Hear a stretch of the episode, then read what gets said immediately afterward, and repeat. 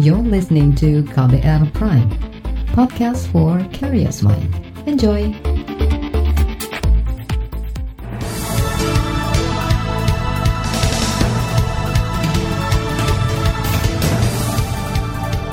Selamat pagi saudara, senang sekali kami bisa menjumpai Anda kembali melalui program Buletin Pagi edisi Rabu 11 November 2020 bersama saya Agus Lukman. Sejumlah informasi pilihan telah kami siapkan untuk Anda, di antaranya pemerintah mengingatkan kerumunan bisa menjadi klaster baru COVID-19. DPR mendorong pemerintah segera mencairkan anggaran pupuk bersubsidi. Pengungsi erupsi Merapi meningkat menjadi lebih dari seribu jiwa. Inilah Buletin Pagi selengkapnya. Terbaru di Buletin Pagi. Satuan Tugas Penanganan COVID-19 mengingatkan kembali potensi munculnya klaster baru COVID-19 saat terjadinya kerumunan orang. Dalam dua pekan terakhir, kerumunan orang terjadi di hampir seluruh wilayah di Indonesia. Ini bertepatan dengan libur panjang akhir Oktober lalu, dilanjutkan dengan aksi demonstrasi menolak Undang-Undang Cipta Kerja yang terjadi di hampir seluruh Indonesia. Kerumunan juga terjadi pada Selasa kemarin saat ribuan orang menyambut kepulangan pemimpin FPI Rizik Sihab dari Arab Saudi. Juru bicara Satgas COVID-19 Wiku Adhisa Smito mengingatkan Indonesia saat ini masih menghadapi pandemi COVID-19 sehingga orang perlu menghindari kerumunan. Kerumunan menyulitkan kita untuk bisa jaga jarak. Ditambah, jika tidak menggunakan masker akan meningkatkan risiko penularan yang lebih besar lagi kelalaian ataupun ketidakpedulian terhadap kondisi ini serta terhadap protokol kesehatan dapat membahayakan nyawa manusia. Tidak hanya diri kita, namun keluarga di rumah dan juga orang yang berada di sekitar kita. Juru bicara Satgas COVID-19 Wiku Adhisa Smito mengatakan selama belum ada vaksin COVID-19, masyarakat harus terus menerapkan protokol 3M, yaitu memakai masker, menjaga jarak, dan mencuci tangan dengan sabun guna mencegah penularan virus corona. Pemerintah Provinsi DKI Jakarta mengklaim terus melakukan tracing atau pelacakan untuk mengantisipasi terjadinya penularan atau munculnya klaster baru COVID-19 dari kerumunan, termasuk kepada pimpinan FPI Rizik Sihab yang baru pulang dari Arab Saudi. Wakil Gubernur DKI Jakarta Ahmad Riza Patria mengatakan ada protokol kesehatan yang harus dipenuhi bagi orang yang datang dari luar negeri, salah satunya isolasi mandiri.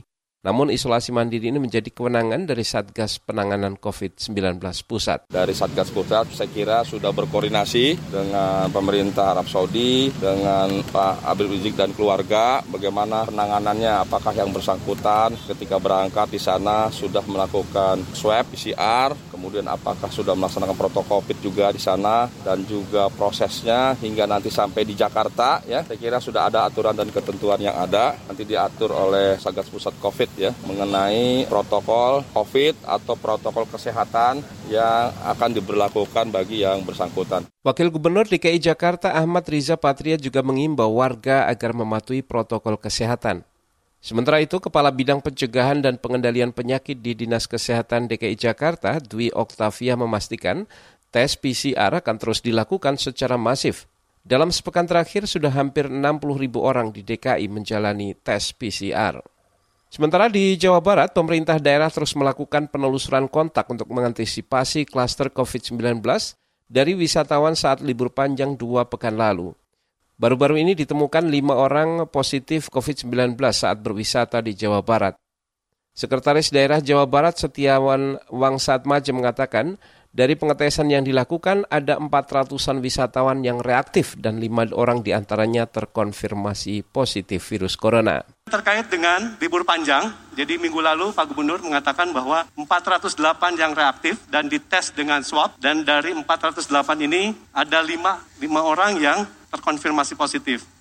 Kelima orang ini adalah yang satu sudah kami koordinasikan dengan Pemprov DKI dan yang empat kami sudah melakukan tracing gitu ya terhadap yang empat wisatawan tersebut. Sekretaris Daerah Provinsi Jawa Barat Setiawan Wangsatmaja mengatakan selain penelusuran kontak terhadap wisatawan yang positif, pemerintah daerah juga berusaha meningkatkan kapasitas tes COVID. Kapasitas pengetesan pasca libur panjang Oktober lalu meningkat menjadi lebih dari 560-an ribu orang. Sementara itu, pemerintah kota Balikpapan, Kalimantan Timur kesulitan melakukan penelusuran agresif kontak pasien positif. Wali Kota Balikpapan Rizal Effendi mengatakan laboratorium di Balikpapan hanya mampu memeriksa tes usap sekitar 10 hingga 15 orang saja. Sementara syarat pelacakan agresif minimal pemeriksaan swab mencapai 30 orang. Dua hambatan tracing kita pertama tenaga surveilannya yang terbatas, kedua eh, PCR-nya karena kan PCR kan kalau yang kita lakukan itu kan bayar kan memakai APBD. Nah kan kalau jumlahnya banyak tentu kita punya keterbatasan. Tapi kalau didukung oleh APBN, nah itu memudahkan kita bisa mencapai seperti harapan sampai tracing itu kan sampai 30 orang.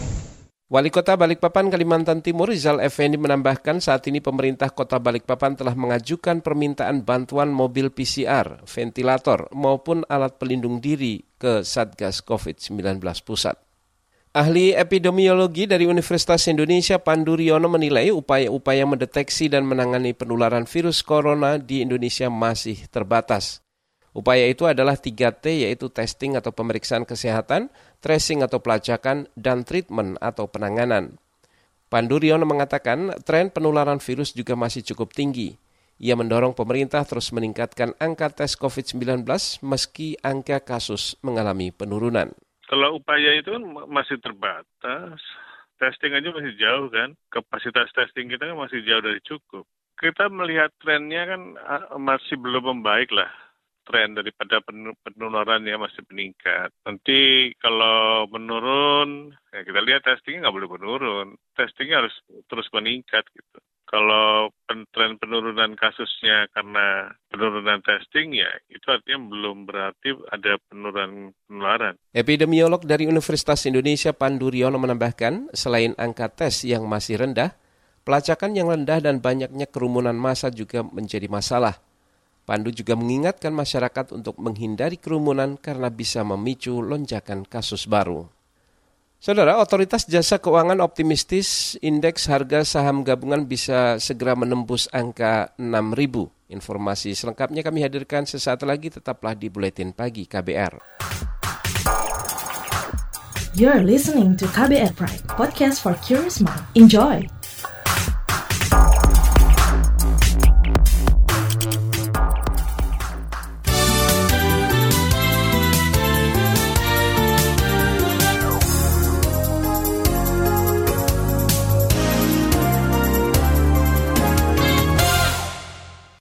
Anda sedang mendengarkan Buletin Pagi KBR. Siaran KBR mengudara melalui lebih dari 500 radio jaringan di Nusantara. Kita ke informasi ekonomi, Saudara Presiden Joko Widodo memerintahkan semua pihak merealisasikan peningkatan ekspor Indonesia ke luar negeri. Ia optimistis ekspor bisa meningkat jika dilakukan secara cermat dan optimal. Peningkatan ekspor diperlukan untuk mempercepat pemulihan ekonomi nasional yang terdampak pandemi COVID-19. Saya mengajak kita semua mulai dari para eksportir, semua pejabat dan perdagangan, para gubernur, sampai dengan perwakilan Indonesia di luar negeri untuk bergerak lebih cepat, lebih solid, dan lebih terpadu. Lakukan lebih banyak eksekusi, jangan hanya rencana. Presiden Joko Widodo juga meminta pusat promosi perdagangan Indonesia tidak hanya berorientasi pada bisnis sehari-hari tapi juga menjadi agen bisnis ekspor.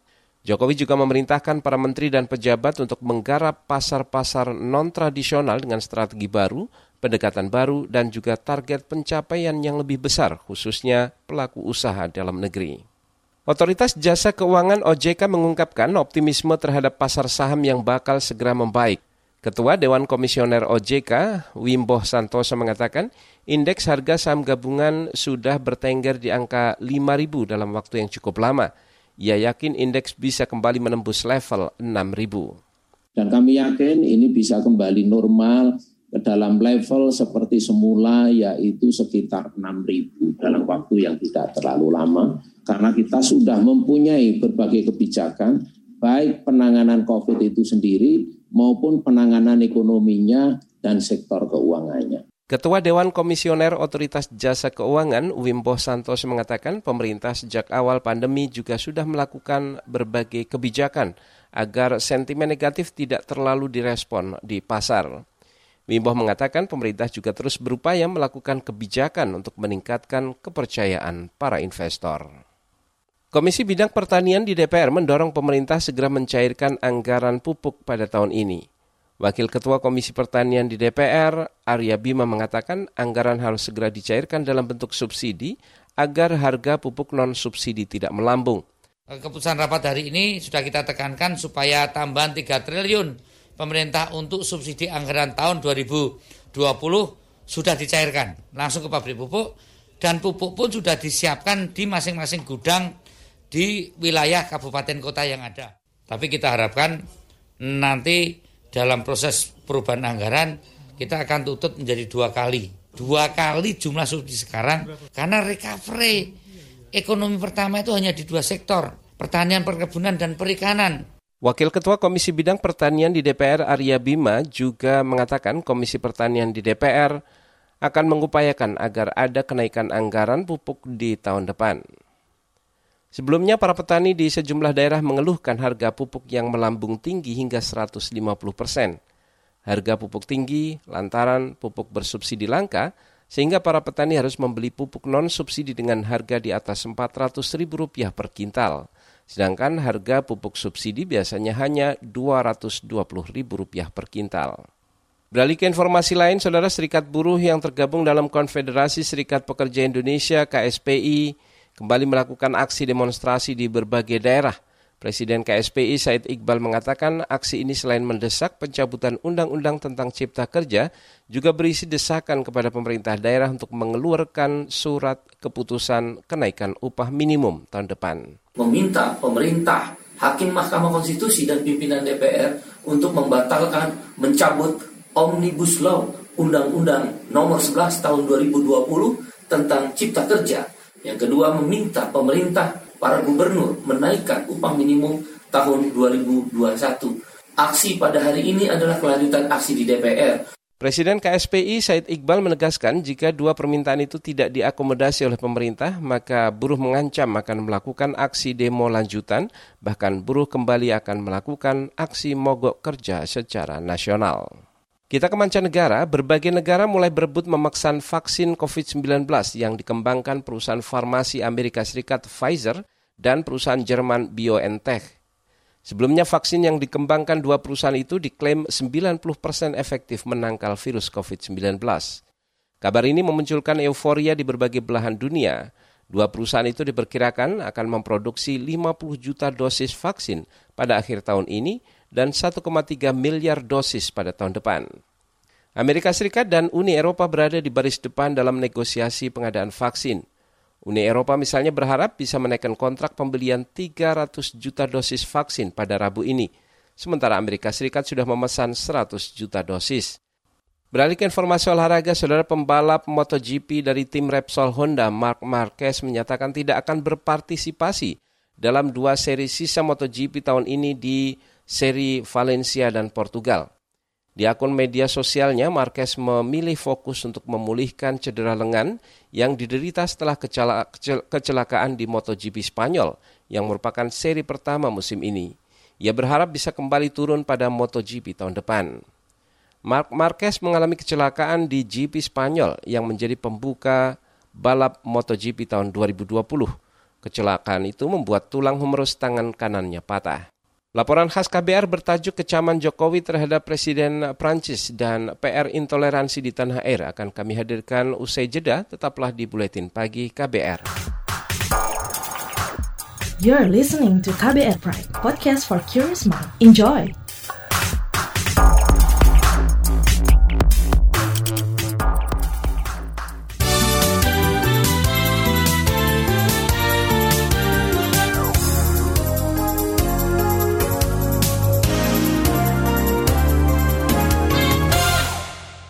Anda masih bersama kami di Buletin Pagi KBR. Saudara, beberapa waktu lalu Presiden Joko Widodo menyampaikan kecaman keras terhadap ucapan Presiden Prancis Emmanuel Macron yang dinilai menghina Islam. Jokowi juga mengecam sikap intoleran yang mencederai kesakralan ajaran agama. Jika ditilik lebih dalam, substansi kecaman itu juga bisa berlaku di tanah air. Simak laporan tim KBR dibacakan Astri Yuwanasari. Indonesia juga mengecam keras pernyataan Presiden Prancis yang menghina agama Islam yang telah melukai perasaan umat Islam di seluruh dunia. Di penghujung Oktober lalu, Presiden Joko Widodo menyampaikan kecaman keras atas pernyataan Presiden Prancis Emmanuel Macron yang memicu kemarahan sebagian umat Islam dunia termasuk di Indonesia. Macron menyebut teroris Islam berada di balik beberapa serangan di Prancis yang menewaskan empat orang. Kejadian ini dipicu penerbitan karikatur Nabi Muhammad yang memang tidak dilarang di negara yang menganut sekularisme itu. Kecaman Presiden Jokowi terhadap Macron mendapat kritik dari Koordinator Nasional Jaringan Gus Durian Alisa Wahid. Ia menyayangkan Jokowi tidak menyinggung soal korban kekerasan di Prancis. Jika pemerintah Indonesia yang diwakili oleh Presiden itu oke, okay hanya perlu dilengkapi sih. Menurut saya yang ketinggalan itu adalah bela rasa yang lebih kuat terhadap korban itu hanya disebut kilas. Jadi itu kan sesuatu yang tidak bisa diterima. Putri mendiang Gus Dur ini berpandangan, kecaman Presiden Jokowi itu semestinya bisa jadi pengingat pula bahwa masih ada problem intoleransi beragama di dalam negeri. Soal intoleransi di Indonesia betul, itu sangat penting untuk diingatkan terus bahwa kita masih punya problem intoleransi yang sangat banyak di Indonesia dan makin banyak pada tingkat akar rumput. Seperti misalnya penolakan spanduk Natal, penolakan makam non-muslim, macam-macam dan gitu. Dan itu harus diselesaikan oleh pemerintah. Alisa menilai problem intoleransi bersumber dari pola pikir mayoritas minoritas kita sudah punya kesepakatan bersama yang itu diatur di Undang-Undang Dasar, muncul dalam wujud Pancasila, ya itu yang kita pakai gitu. Jadi jangan merasa mayoritas minoritas gitu loh. Jangan merasa karena saya mayoritas saya berhak mengatur yang minoritas, minoritas harus berada di bawah kita gitu. Dan yang lebih penting adalah karena setiap agama menghormati manusia sebagai ciptaan Tuhan. Alisa menyalahkan pemerintah dan aparat hukum yang terkesan membiarkan kasus intoleransi terus bermunculan. Padahal sudah ada aturan yang menjamin perlindungan hak-hak minoritas. Di beberapa tempat di Indonesia, baik pemerintah daerah maupun aparat keamanan itu masih sering sekali menggunakan prioritasnya itu adalah menjaga harmoni sosial, tapi melupakan perlindungan terhadap hak konstitusi warga negara untuk beribadah dan berkeyakinan. Maka kemudian yang sering kali disalahkan adalah kelompok yang lebih lemah. Rohaniawan Frans Magni Suseno berpendapat, substansi kecaman Jokowi untuk Macron juga bisa berlaku untuk masyarakat Indonesia. Pesan itu semestinya juga bisa diartikan ajakan kepada warga di tanah air untuk berlaku toleran. Indonesia terus harus berusaha supaya toleransi mendalam yang terungkap dan didasarkan di dalam Pancasila itu terus dihormati. Jadi peringatan Presiden Jokowi barangkali juga diarahkan kepada kita, mari kita jangan seperti di Prancis itu, mari kita saling menghormati juga kalau kepercayaan kita berbeda. Meski masih marak kasus intoleransi, Romo Magnis menyiratkan optimisme terhadap relasi antar umat beragama di Indonesia. Saya melihat bahwa dalam 20 tahun terakhir hubungan misalnya antara umat Katolik tidak hanya orang-orang atas, tapi juga di akar rumput dan mayoritas Islam yang mengelilinginya di Jawa menjadi begitu lebih baik cara kita bicara satu sama lain. Kita harus meneruskan itu. Jadi jangan pernah memberi ruang kepada kebencian. Sementara itu Komnas HAM mencatat kenaikan pelanggaran kebebasan beragama dan beribadah. Pada 2019 lalu ada 23 pengaduan yang masuk. Paling tinggi terjadi di Jawa Tengah. Ketua Komnas HAM Ahmad Taufan Damanik yakin jumlah kasus intoleransi sejatinya lebih banyak, tetapi tidak dilaporkan ke lembaganya. Ini meningkat sedikit saja dibandingkan pengaduan di antara tahun 2015 sampai tahun 2018 yang rata-rata itu 21. Jumlahnya lebih dari itu, tapi tentu saja ada banyak kasus-kasus yang tidak diadukan Komnas HAM atau kasus-kasus itu diselesaikan di tingkat lokal. Puluhan kasus tersebut baru memotret dampak dari aturan pendirian rumah ibadah.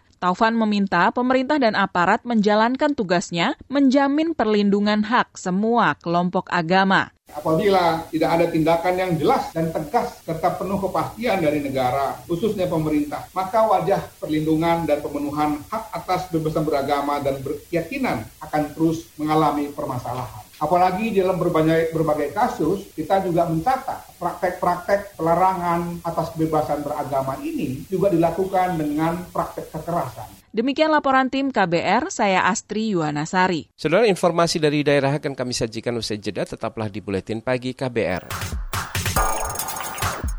You're listening to KBR Pride, podcast for curious mind. Enjoy!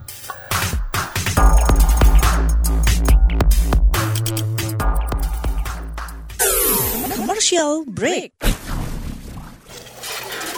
Anggota komunitas Be Home, Laras, memberi semangat kepada teman-teman Broken Home untuk berprestasi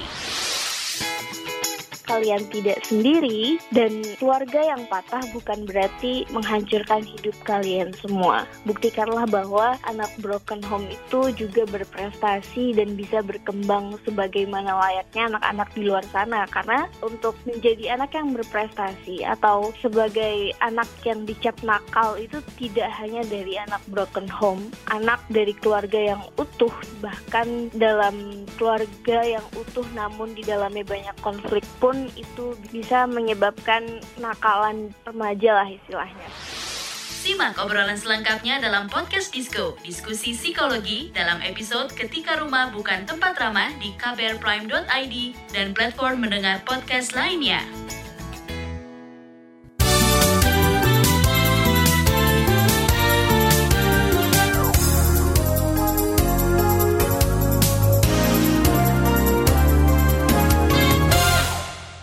Inilah bagian akhir buletin pagi KBR. Kita ke Jawa Tengah, saudara. Jumlah pengungsi yang terdampak erupsi Gunung Merapi dari tiga kabupaten di Jawa Tengah terus bertambah menjadi seribu orang lebih.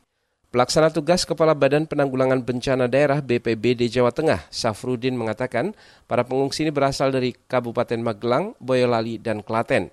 Dari sembilan desa dengan total lebih dari 30 dusun. Ya, BPBKG kan kemarin ada sembilan desa ya, tiga desa di, tiga desa di Kabupaten Magelang, tiga desa di Kabupaten Klaten, dan tiga desa di Kabupaten Boyolali. Yang sekarang yang sudah ada pengungsian itu dari Kabupaten Magelang yang tadinya tiga desa jadi empat desa malah. Terus yang Klaten, Klaten masih tetap hanya berasal dari dua desa, dari Balai Rantai dan Tegal Mulyo. Terus dari Boyolali, uh, dari tiga desa, hanya satu desa yaitu desa Telogolili. Warga yang mengungsi 1047. Pelaksana tugas BPBD Jawa Tengah Safrudin menambahkan jumlah pengungsi kemungkinan akan terus bertambah karena ada tambahan satu desa di Kabupaten Magelang yang warganya meminta untuk diungsikan. Warga meminta diungsikan karena trauma dengan erupsi Gunung Merapi pada 2010 silam. Kita ke informasi pilkada. Saudara kualitas demokrasi dalam penyelenggaraan pilkada 2020 terancam memburuk akibat dampak pandemi COVID-19. Anggota Komisi Pemilihan Umum KPU Pusat Pramono Ubed Tantowi mengatakan ada sejumlah parameter yang bisa mengurangi kualitas pilkada tahun ini. Misalnya kurangnya akses dan pengetahuan publik, untuk mengetahui visi dan misi pasangan calon kepala daerah karena calon kurang kreatif memanfaatkan kampanye secara daring. Anggota KPU Pusat Pramono Ubed menambahkan, kebijakan pembatasan sosial berskala besar atau PSBB juga berpotensi melemahkan pengawasan dan pemantauan publik terhadap pilkada. Selain itu, di tengah pandemi COVID-19, tingkat partisipasi pemilih juga dikhawatirkan menurun. Informasi tadi menutup jumpa kita di Buletin Pagi hari ini. Pantau juga informasi terbaru melalui kabar baru, situs kbr.id, Twitter kami di akun @beritaKBR, serta podcast di alamat kbrprime.id. Akhirnya saya Agus Lukman, kami undur diri. Salam.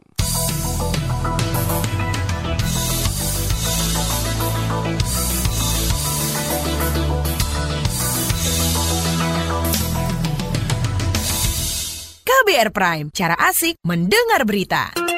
KBR Prime, podcast for curious mind.